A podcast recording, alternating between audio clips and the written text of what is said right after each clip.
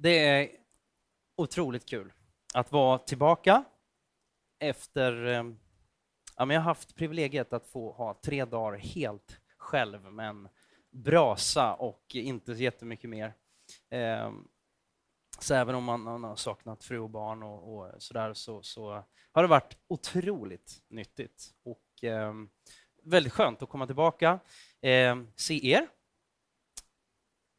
Då kan man säga att det är kul att se det. Men jag, jag, jag bara, det kom inget så jag tänkte att Linda pratade om att fira segrar. Och jag håller nog med om att vi är lite dåliga på att fira segrar. Jag är personligen förmodligen en av de sämre. Det är så lätt att bara, ja men där satt den, nu går vi vidare. Där satt den, nu, nu är jag ju på väg mot nästa mål. Bibeln är ju så cool för att under hela gamla testamentet, redan från början, så säger Gud så här, ah, ah, ah. nu ska ni sätta upp ni ska sätta upp stenrösen här, ni ska fixa det här, ni ska ha de här festerna och de är utspridda över året. För att fira det som har hänt, fira det jag har gjort för er, fira det ni har gjort tillsammans och gjort av liksom det som jag har hjälpt er med och bara fira att ni är mitt folk.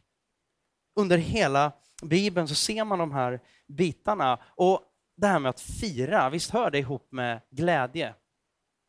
att vara fylld med glädje, tacksamhet.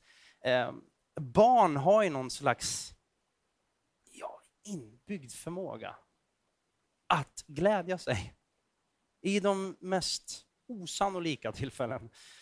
De kan glädja sig för stort och smått. Ehm, det här med att glädja sig tror jag också hör ihop med det här med att fira segrar. Det hör jättemycket ihop med att jag förstår varför jag gör det jag gör. Speciellt för oss, oss vuxna. Vi som, eller ni som har blivit vuxna. Jag känner inte att jag har blivit vuxen riktigt än, men, men när jag blir vuxen. Nej, men skämt åsido. Det här med att varf, varför gör jag det jag gör? Eh, vi är väl lite så här på tu man hand, jag och Linda. Ibland så är Linda jättebra på det, ibland så är jag eh, jättebra på det och ibland är jag jättedålig på det och ibland är hon jättedålig på det. Men att komma ihåg det här med glädjen i saker och ting. Men häromdagen så, så det var inget som sa, jag bara såg på, på Facebook så la Linda upp en bild där, där det var en bild på massa disk. Och det var dagen efter vi hade haft nyårsfirande hemma hos oss, så det var verkligen mycket disk. Och så skrev hon så här, nu ska jag med glädje, typ någonting sånt, ta itu med den här disken. För det innebär ju att vi hade massa vänner över igår. Vad ser du för någonting? Vad ser du framför dig? Ett annat ord för att se någonting är ju vision. Utan vision så förgås folket, säger Bibeln i Ordspråksboken utan vision, utan ett mål, så går man ju vilse. Det är så här, GPSen är ju så bra därför att den tar ju reda på inte bara vart du ska, utan vart du faktiskt är. Eller du knappar in vart du ska och då räknar den ut vart du är och vägen dit. Och jag tror på en annan GPS och det är God's positioning system. Gud vet, han vet redan var vi är. Han vet vart vi ska. Men vi kan få vara med och i samarbete med Gud så kan vi få ta oss framåt. Och jag har kallat in förstärkning idag. Ehm, så jag ska, ganska kortfattad här i början, så ska jag be Klara ta vid och sen kommer Roger och ta vid och sen Maria och sist Brad. Så kommer vi att predika för dig och vi kommer att Eh, utgå ifrån vårt vision statement, vår eh, vår vision, våran bild. Den bild som jag i min naivitet tror att Gud har gett till oss. Varför finns United Stockholm? Vi drömmer om en församling som ska få beröra den här staden och ska få göra en massa saker. En, en församling som får finnas till för de som, som älskar Gud, men de som kanske inte vet om de älskar Gud eller de som vet att de inte gör det just nu. Jag lägger till det här sista för att jag vet ju. Nej, då. Nej.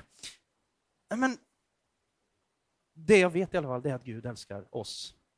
Och därför tror jag att Gud också är intresserad av, av kyrka. Men det är så viktigt att när vi bygger kyrka, när vi gör det vi gör, för att vare sig vi, vi går upp om morgonen eller tar sovmorgon, eller går till plugget, eller går till jobbet, eller letar efter ett nytt jobb, så finns det möjlighet att glädja sig och det finns möjlighet att, att så här, hela tiden komma ihåg varför gör jag det jag gör? Och det här varför-perspektivet eh, vill jag lyfta fram. Eh, och vi ska läsa, eller vi ska titta på den här, vårt vision statement. Jag vill läsa det för er. Det här är vår vision, United Stockholm, och det här är vår vision även 2015. Vi ändrar inte den, utan vi, vi sträcker oss efter den.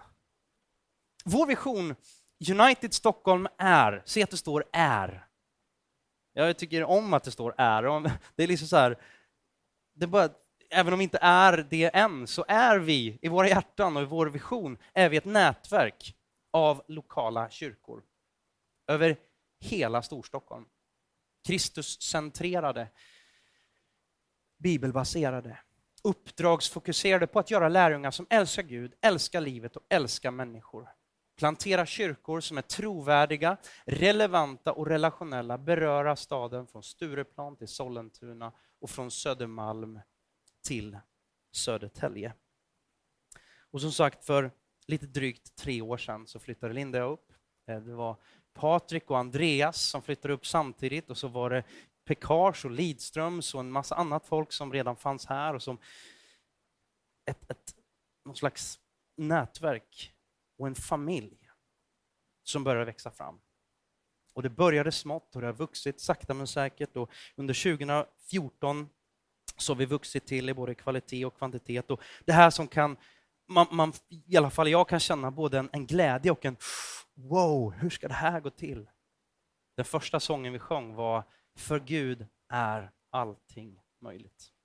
Och med de orden så vill jag släppa på Klara Lidström som tar den första lilla artikeln i våran vision.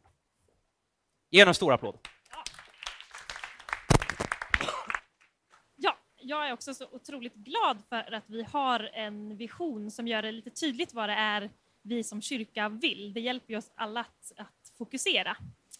Eh, och jag ska börja med den första delen som är Kristuscentrerade, bibelbaserade och, och uppdragsfokuserade på att göra lärjungar. Den lilla biten tänkte jag dela om några minuter. Eh, men jag tycker det är så bra att stanna upp lite vid liksom, vad innebär de här olika begreppen? Därför att det är väldigt lätt att läsa någonting, i alla fall om man är som jag, som inte analyserar i onödan. Eh, utan att egentligen fundera på vad innebär det här för mig? Eh, och därför tänkte jag börja med Kristuscentrerade. Jag är så glad för att den här kyrkan handlar om Kristus och inte om mig. Jag är också ganska glad över att den inte handlar om någon av er faktiskt.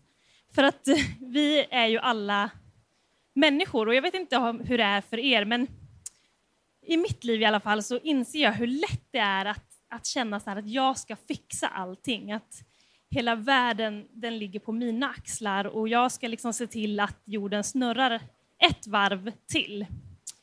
Och det liksom är ju ganska fint när man lyckas med saker, men de flesta av oss Eh, lyckas ju inte med saker. Och själv blev jag till exempel uppsagd här precis innan jul, så att eh, jag började nya året med att vara arbetslös. Det känns ju väldigt så här peppande. Oh! Men på något sätt så känner jag så här att det är ju otroligt tråkigt, men det också finns en sån styrka i att ha sitt fokus och sin blick på Kristus. Det handlar alltså inte om hur jag får den här världen att snurra eller hur bra jag är eller vad jag lyckas med, utan det handlar om vad han har gjort för mig och för oss. Ehm. Jag tror att vi eh, ja, men alla människor på något sätt gör ju fel eller misslyckas och man kan ju otroligt lätt liksom bli irriterad och som kyrka också liksom bli irriterad på andra som inte gör som som jag gör eller som de, jag tycker de borde göra. Men att få ha sin blick då mot Kristus och få fundera på vem är det vi sträcker oss mot, det är en otrolig styrka.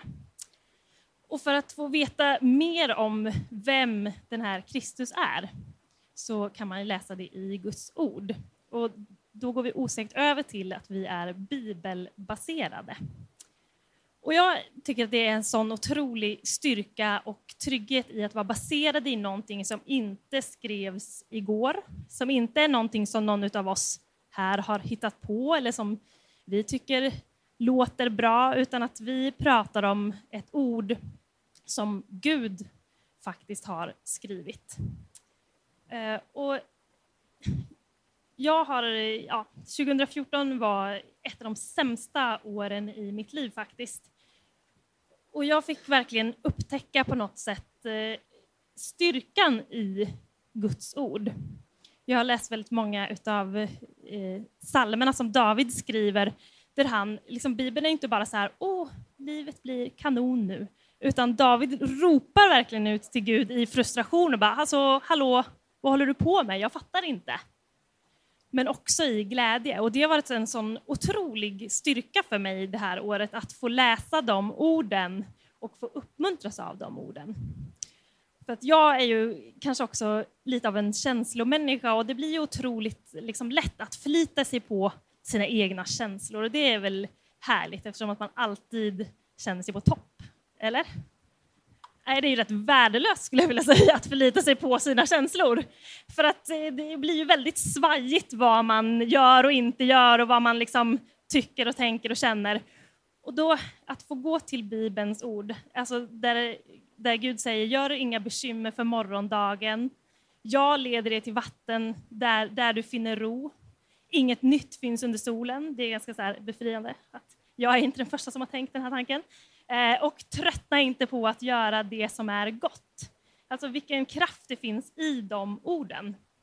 Eh, och utmaningen i liksom att vara bibelbaserad och att vi som kyrka är bibelbaserade ligger väl i också att vi faktiskt tar oss tid för Bibeln. Och vad liksom, för det här, så här början på året så är det ju väldigt bra att börja fundera lite på men hur gör jag för att vara bibelbaserad? Vad innebär det för för mig. Hur är jag med och bidrar till att vår kyrka United är bibelbaserad? Eh, den sista delen är uppdragsfokuserad på att göra lärjungar.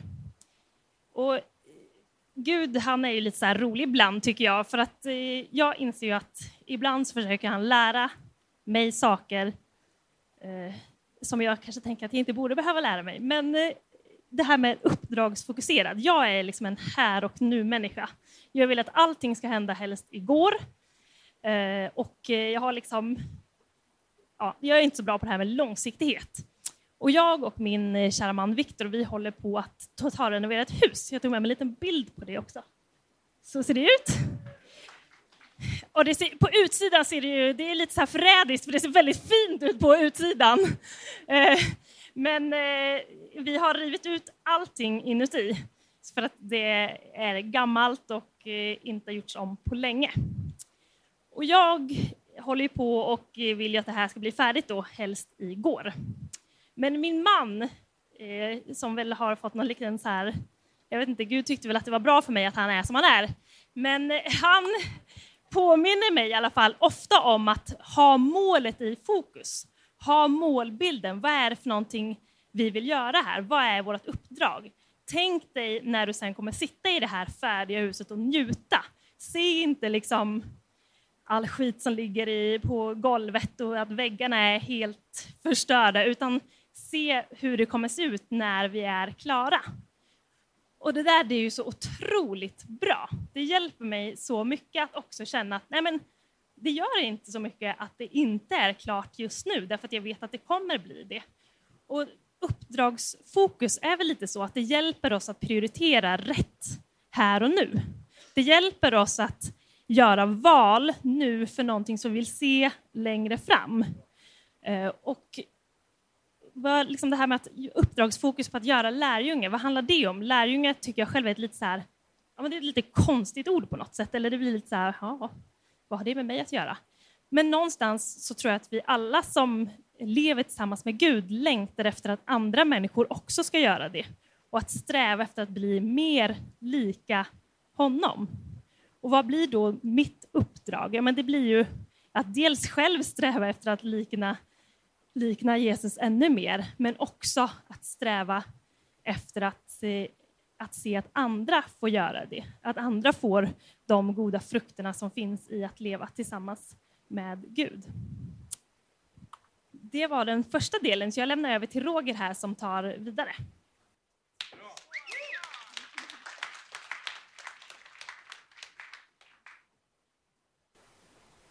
Tack Klara. Som eh, eh jag tar det vidare och ska eh, leda oss in på eh, älska Gud, älska människor och älska livet. Den här mannen träffade jag idag. Eh, det var så här att jag satt på Borgs bageri och skulle förbereda lite grann den här texten eh, idag. Eh, efter jag har satt mig ner och dricker min cappuccino så kommer det fram en man som säger att han vill ha något att äta.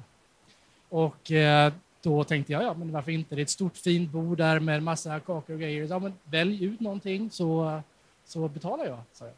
Han valde ut en Budapestbakelse. Han kom till mitt bord, satte sig ner utan att jag sa så här. Han bara satte sig ner där och tyckte det var självklart. Han, han, eh, han lyfte inte blicken medan han åt den här, utan han glufsade i sig hela den här med, eh, med god aptit. Eh, efter det så frågade han om jag kunde hjälpa honom finansiellt av olika anledningar. Och då sa jag, men det ska vi kunna ordna på något sätt. Så jag gav honom en liten slant och eh, då blev han väldigt glad såklart. Han eh, reste sig upp, tog sin tallrik, bar iväg den, hämtade en trasa och torkade av bordet, tog min hand och gick därifrån. Ja. I Bibeln finns en bok som heter Lukas evangeliet och några verser lyder så här. Är ni med? Mästare, vad ska en människa göra för att få evigt liv? Jesus svarade, vad säger Mose lag om det? Han svarade, du ska den säger att du ska älska Herren, din Gud, av hela ditt hjärta och av hela din själ och med all din kraft och med hela ditt förstånd. Och din medmänniska ska du älska lika mycket som dig själv. Och på samma tema finner vi i Matteus evangeliets allt vad ni vill att man, människorna ska göra er ska ni också göra dem. Jag lyckades på vägen hem från fjällen i fredags köra min bil så att jag orsakade en trafikolycka. Jag åkte ut och eh, skulle köra om en bil, allting var fine. Och det, var, det var inte halt på den vägbanan jag körde på, men det var sån 2-1-väg. Så jag körde ut vänster. Det skulle jag inte gjort att köra om den här bilen. Det var låg hastighet, 70-80. Jag fick sladd och kör på den här bilen som jag håller på att köra om och mejar ner den i diket. Men det gör ju att min sladd hävs så att jag lyckas vara kvar på spåret och vi åker en 500 meter till. Den känslan är inte bra i magen. Va? Det är första gången det händer. Men för, för det första var det en väldigt tacksamhet att vi klarade oss. Lilla Ella som sitter där nära, nära och eh, nära den sidan som krocken skedde. Eh, men hur gick det för de andra i bilen? Vi satt där några minuter eh, och då kom det en bil bakom oss eh, och ställde, ställde sig bakom oss fast det var rätt så trafikerad väg så det krävdes någon sorts mod att stanna där.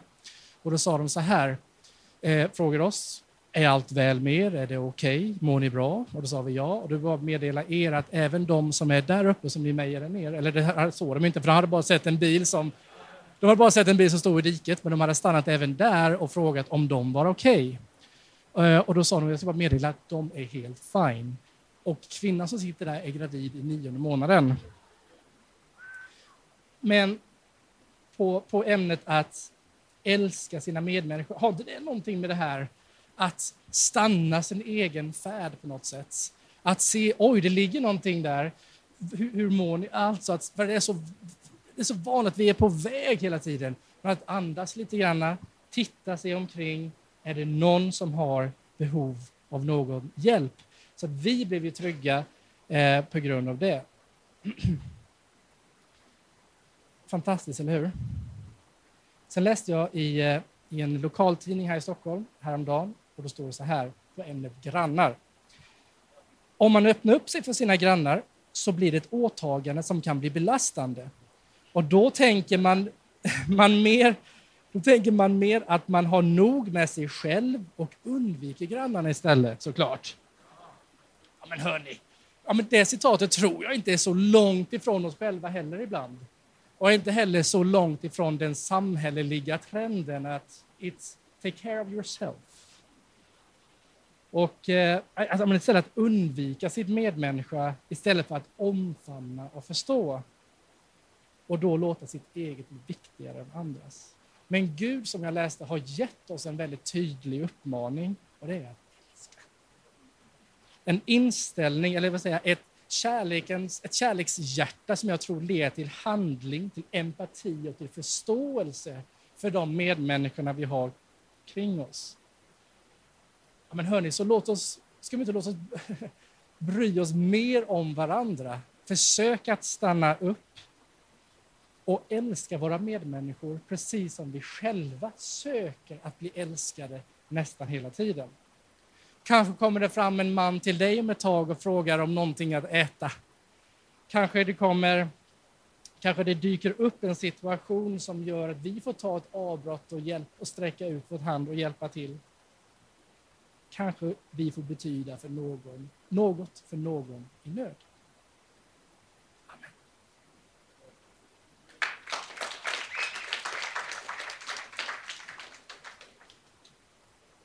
Det är Maria som ska ta oss vidare med trovärdiga, relevanta och relationella. Exakt. Spännande del, eller hur? Ehm, ja, vi väntar lite med den. Men trovärdiga, relevanta och relationella. Kanske så var det för dig som det var för mig att det var den här delen, alltså det här fokuset som United som kyrka har som faktiskt gjorde att United blev en kyrka som jag kallar min. Eh, jag tror att det är ett fokus som ganska många i vår tid längtar efter. Eller som man kanske behöver för att kunna närma sig Gud. Alltså man behöver se att kyrkan är trovärdig, att den är relevant idag och att det faktiskt handlar om relationer, att man inte är ensam utan man gör det här tillsammans. Och just trovärdig är ju något som kanske inte bara politikerna har svårt att vara eller visa att de är idag, Eh, utan även företag behöver ju visa det här hela tiden. De granskas och ser, ja, men är det trovärdigt? Gör ni det ni säger att ni gör? Är ni miljöfokuserade? Försöker ni lura folk eller vad det kan vara? Så, ja, helt enkelt, gör de det de säger att de gör. Och att du och jag då som kyrka är trovärdiga, det vi gör, det tror jag är avgörande för om folk vågar närma sig oss eller se vad det är vi gör för någonting. Jag menar, vi säger i vårt vision statement att vi, vi är bibelfokuserade. Vi är, ja, syns det i våra liv? Alltså, är det verkligen det vi gör? Jag, menar, jag står här och pratar om det här idag. Syns det i mitt liv? Gör jag verkligen det? Sen på måndag liksom. Och att vara relevant handlar kanske inte så mycket om att jag ska göra kyrkan eller Gud relevant för stockholmarna eller mina vänner. Utan det handlar om att visa på att det är det, att Gud är relevant idag. Och hur gör jag det? Det är frågan. Innan vi flyttade till Stockholm så pluggade jag och vi var engagerade i en församling som vi älskade väldigt mycket. Men problemet för mig var då att jag levde absolut inte relevant för mina klasskompisar. Jag hade inte tid för dem, det fanns inte tid i min kalender. Jag var så mycket i kyrkan att jag hade inte tid att umgås med dem helt enkelt. Jag hade inte tid att lära känna dem eller att för dem att lära känna mig och i mitt liv se vem Gud är. Och inte det att det inte var viktiga och bra saker det jag gjorde, men det blev absolut inte trovärdigt och absolut inte relevant när det var liksom motsatsen som jag ville göra fast inom de här fyra väggarna och kanske inte heller ett så jättespännande liv för så många andra heller. Och jag försöker idag att leva mycket mer relevant. Jag försöker att leva det liv som jag tror att vara en Jesu efterföljare, Jesu lärjunge, vad det handlar om, vad kyrka handlar om. Att vara kyrka i min vardag, där jag är varje dag. Alltså att gå i kyrkan, att umgås med människor i min connect, middagar, promenader, playdates, alltså vad det än kan vara. Men att det handlar om att älska människor som Roger var inne på. helt enkelt försökt att skala bort det som är onödigt för att få plats med det som är nödvändigt. Och om jag tidigare var lite för mycket fokuserad på just verksamheten i kyrkan så drivs jag idag av, alltså inte bara kärleken till Gud såklart, men av kärleken till människor. Att jag vill ha ärliga, jag vill ha uppriktiga, jag vill ha trovärdiga relationer. Och om jag då är fylld av Gud, om jag liksom har fyllt på med rätt saker, så kan jag i dem få återspegla Jesu kärlek. Så här har vi relationerna också, det relationella. Alltså vi har fått en befallning av Jesus och det är att gå ut och göra all folk till lärjungar. Och hur gör vi det? Ja, men det är ju det här. Det är det vi gör. Det har ju ni hört flera gånger. Vi, liksom, vi bygger relationer, vi umgås, vi, vi tror inte, jag tror inte att det kommer ske härifrån scenen på söndag. Jag tror inte att mina vänner kommer till ramla in här liksom och bara bli intresserade av Gud, utan det här måste ju de se i mitt liv. Och sen är det ju så att jag älskar att umgås med mina vänner. Jag vill ju vara med dem. Det är, det är fantastiskt.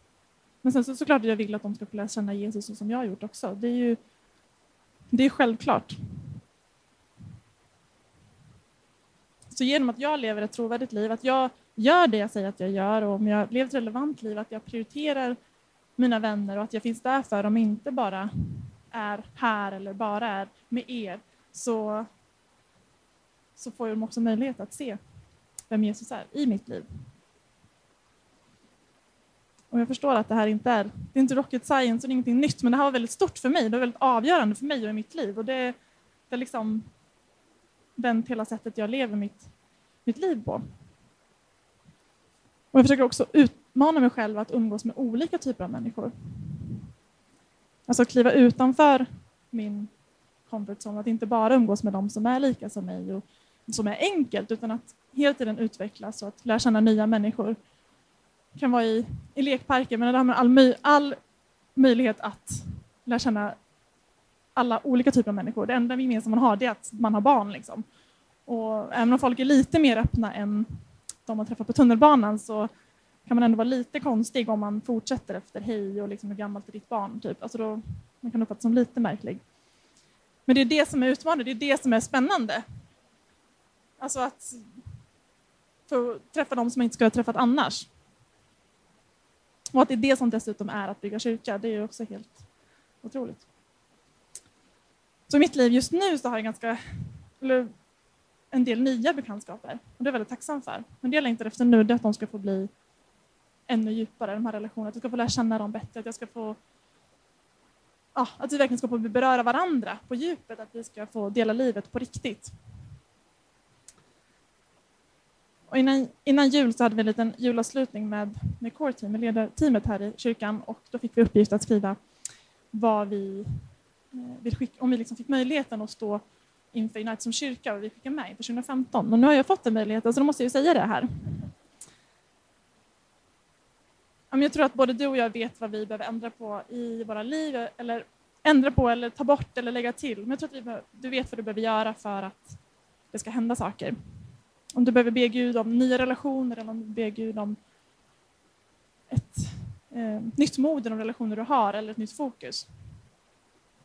Men eh, jag tror vi behöver göra det är att göra plats i våra liv för det som verkligen är viktigt och det är relationer och att älska, att älska människor.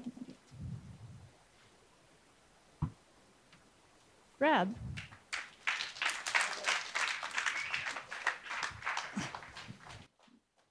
Hej allihopa! Mår ni bra? Låter det här bra? Visst gör det. Jag eh, måste säga att jag blir faktiskt påmind om eh, den första kyrkan. Eh, jag kommer inte läsa något bibelord nu för att skulle jag börja så skulle det bli hela apostlagärningarna. För det är lite det som jag är ute efter här och, och min sista punkt. Jag har fått den här delen som handlar om att plantera kyrkor och beröra staden. Och vi har en bild här på Stockholm och det är liksom det representerar många olika saker det här. Det är inte bara en demografisk grupp, det är inte bara en kultur eller subkultur, utan det är massa saker som liksom ryms i den här bilden och områdena utanför den här bilden. Och eh, det kommer jag komma tillbaka till, men i den första kyrkan så var det självklart med läran till exempel. Eh, de var bibelbaserade med de skrifter de hade där och då. Det var självklart med bönen, det var självklart med gemenskapen vi pratar om nu. Eh, man träffades i hemmen, man umgicks, man, man hade måltider och fester och, och så vidare tillsammans. Alla de här sakerna var helt självklara i den första kyrkan. Men något annat som också var självklart var, för, för dem eh, var att det inte räckte med en kyrka. Att det inte räckte med en stor kyrka i Jerusalem. Det var inte slutdestinationen. Utan från första början så kan vi läsa Eh, i Nya Testamentet om kyrkor i Korint, i, i Filippi, i Efesos, olika platser. Och att de åkte, det var självklart för dem så fort de fick uppdraget av Jesus. Vad gör vi nu? Jo, vi drar ut och planterar kyrkor. Det var det man gjorde som kristen i den första kyrkan. Det är en del av grundtanken i den kristna tron. Eh, och eh, det tar mig till första punkten som är just plantera kyrkor. Eh, som sagt, det var inte en slutdestination. De, de ville växa. Eh, de ville växa, de ville eh, se tillväxt i, i sin eh, kyrka, i sin värld. Och det vill vi också. Vi tror att många fler stockholmare skulle behöva det som vi har här.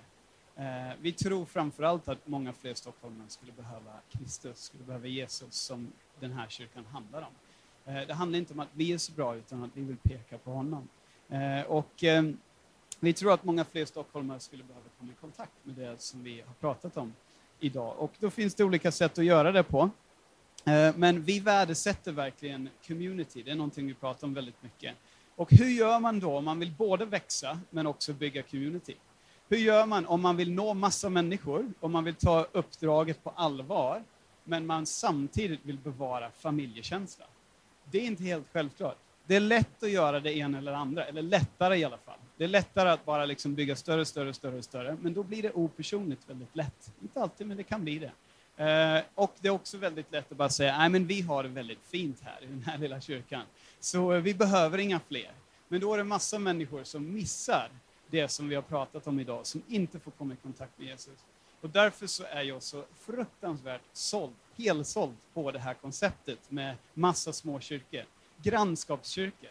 Att vi planterar kyrkor som finns runt om i hela den här staden. Då har vi möjlighet att växa, vi har möjlighet att nå många fler människor. Men vi har också möjlighet att bevara familjekänsla, communitykänsla. Jag älskar att mina barn kan komma hit och alla vet vad de heter. Eh, folk vet vilka de är. De kan springa runt här som de gör hos farmor och farfar, för att det är familjen. Men jag älskar också tanken att en vacker dag så kommer vi träffas ibland, kanske var sjätte vecka, var åttonde vecka, var, var tredje månad, jag vet inte.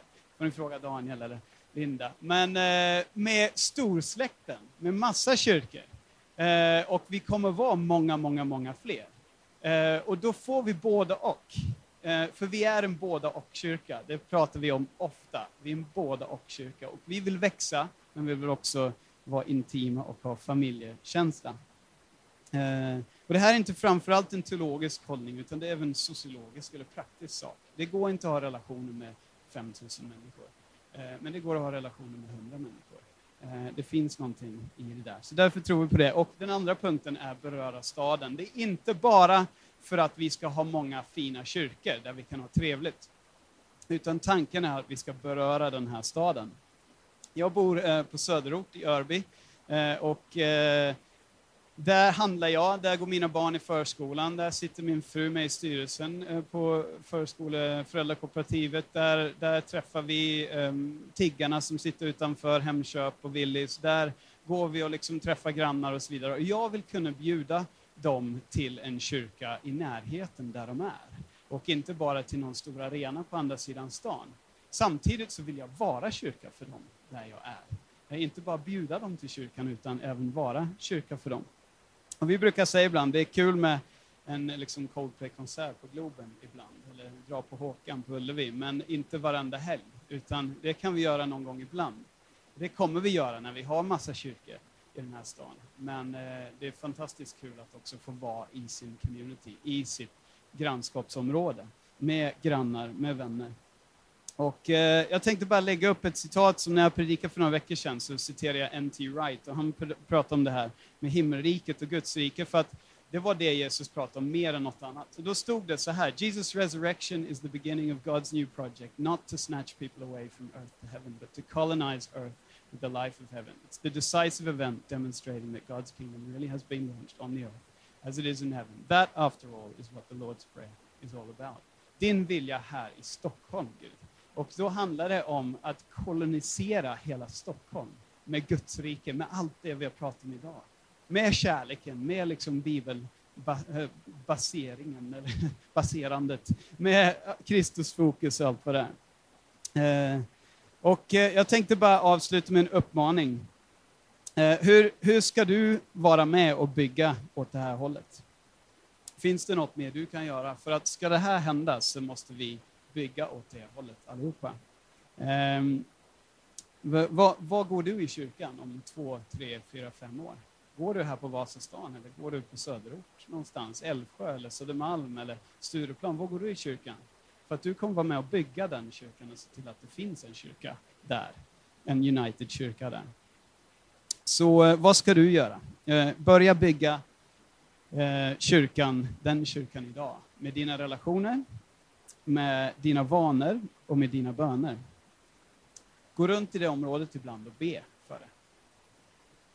Eh, bygg relationer i det området och prioritera de relationerna. Bjud över de personerna, eh, umgås med dem. Engagera dig i en styrelse, en förening, någon verksamhet, någonting där så att du börjar bygga relationer. Träna på ett gym där. Gör någonting där. Handla där även om det är lite bökigare. För att då träffar du den där tiggaren igen och igen och den där kvinnan i kassan igen och igen och kan bygga relationer där. Eh, så eh, jag tror stenhårt på det här, men jag tror att vi behöver också vara intentional med att bygga åt det här hållet om det ska hända. Och jag tror inte bara att vi ska se många fler människor i den här kyrkan, utan jag tror vi kan se många fler kyrkor i våra människor här. Eh, det är det det handlar om, för att plantera nya kyrkor och beröra staden. Så det brinner jag för och jag vill bara uppmana dig, utmana dig, haka på Eh, och börja bygga åt det hållet redan idag med ditt liv. Daniel?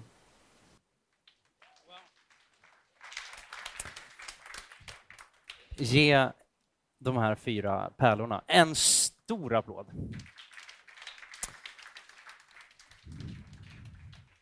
Jag blir så glad och jag hoppas, du, du, som inte kallar United Stockholm för din kyrka, jag hoppas du har överseende. Vi pratar inte riktigt så här varje söndag, men idag så ber vi inte om ursäkt för att vi pratar på det här sättet, för vi, vi så här, tycker om det här. Vi skäms inte för att vi gillar det här. Vi skäms inte för att det är det här vi drömmer om. Vi som, som församling, om du, om du kommer hit, och, bara för att tillägga det, eh, det handlar, när jag säger kommer hit, Ehm, så handlar det inte om den här byggnaden. Det är, precis som Brad sa, vi, vi, vi vill inte bjuda in främst bara till, till vår, det, det vi kallar för gudstjänster. Bara för att ta någonting om just det här ordet gudstjänst som, som avslutning, så säger Paulus i Romarbrevet 12, så säger han så här, jag förmanar er nu, bröder och systrar, vid Guds barmhärtighet att frambära era kroppar, era liv, det ni är, som ett levande och heligt offer som behagar Gud, Gud er andliga gudstjänst. Det, det vi har berört allihop, Roger, och Maria, Klara, Brad, det, det är väldigt mycket av det som vi ser som, som Bibelns tanke kring kyrka. Kyrka är inte ett event, kyrka är inte något vi gör, kyrka är någonting vi är. När vi gör kyrka så är det ett uttryck för det vi är. Eh, min förståelse av den här, och jag har liksom bara för mig själv mest tror jag, men, men jag tror att det är så hjälp, hjälp grann, lite grann, eh, ett, ett citat för att bara omformulera det här, som Paulus säger när jag ser kyrka och när jag läser om kyrka i skriften och i Bibeln så, så ser jag inte kyrka som där ska, liksom, om du tänker kyrka som en byggnad och kyrka som en, en, en organisation. Kyrkan var aldrig tänkt att vara arenan för ditt liv. Däremot är ditt liv, det är tänkt att vara arenan för kyrka. Så helt plötsligt så, ditt och, li, ditt och mitt liv det tillsammans, vi är församling. Jag gillar faktiskt ordet församling bättre än kyrka, därför att församling står ju för en församlad grupp människor. Tillsammans så är vi kyrka. Ehm, därmed, när jag går till föräldrakooperativet och sitter i styrelsen, eller när jag går och lämnar mina barn på dagis, när jag eh, ringer upp någon, när jag, när jag finns till för någon som har det svårt eller någon som har det bra, jag firar med någon, eller jag gråter med någon, eller jag handlar med någon, eller jag tar tips av någon hur jag ska installera min nya dimmer hemma. Stort och smått. Där är vi kyrka. Det är kyrka och där utspelar sig kyrkan och helt plötsligt så infinner sig det här, det som jag vill bara avsluta med. Låt oss ha en lite högre förståelse av och en lite högre syn på vad kyrka är och därmed också lite högre syn på våra liv. Där du har en lite högre syn på när du lämnar barnen på dagis, när du pallar dig upp i ottan för att gå och skriva ett prov på universitetet. Tenta kanske det heter. När du går och ställer dig i den där kön på ICA. När du tar fram dammsugaren och börjar dammsuga de där vrårna som var alldeles för länge sedan du dammsög. Tänk att du med ditt liv kan börja ära Gud och du kan få börja leva ut kyrka. Vi vill inte lägga på dig en massa, jag tror inte att Bibeln gör det heller, lägga på dig en massa, nu ska du göra det här, nu ska du infinna dig på fler event, nu ska du göra det här och bara plocka på, plocka på. Nej, tanken är, du förmodligen, som jag, måste ändra saker och ting som vi gör och ha rätt prioriteringar. Men tanken är inte att du ska göra mer saker, utan det vi gör, att vi gör det med intention, med syfte, med ett gott motiv. Att vi är med, när jag växer i mitt liv, ja men då per definition växer ju församlingen. När jag ser att människorna i, i vår, min och, och de andras connect, som vi kallar våra små grupper tillsammans. När vi ser att den växer och människors liv växer, då växer ju United. När vi ser att saker och ting växer, på vilket håll det än är, då växer ju per definition vår församling. Det är den utmaningen som vi vill skicka med idag. Det du gör, gör det med intention. Gör du en massa saker som du inte kan ha en god intention med, ja, sannolikheten att du ska sluta med det är ganska hög. Jag vet flera saker som jag behöver sluta med, eller kanske göra mindre av. Vår vision